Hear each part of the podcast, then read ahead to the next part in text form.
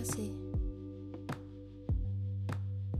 Senja memang tak pernah sama, tapi senja selalu memberitahu kita bahwa kita melihat langit yang sama.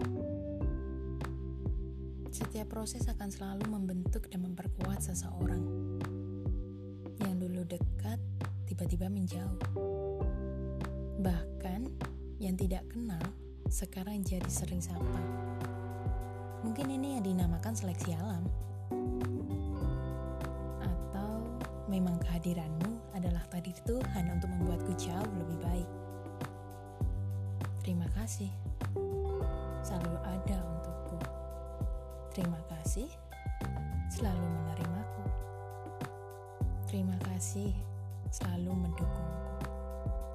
Terima kasih selalu mendengarkan keluh kesahku.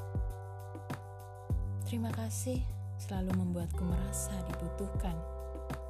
Terima kasih selalu membawa virus kebaikan. Terima kasih untuk Tuhan yang mengerikanmu untukku. Ditulis oleh Netnam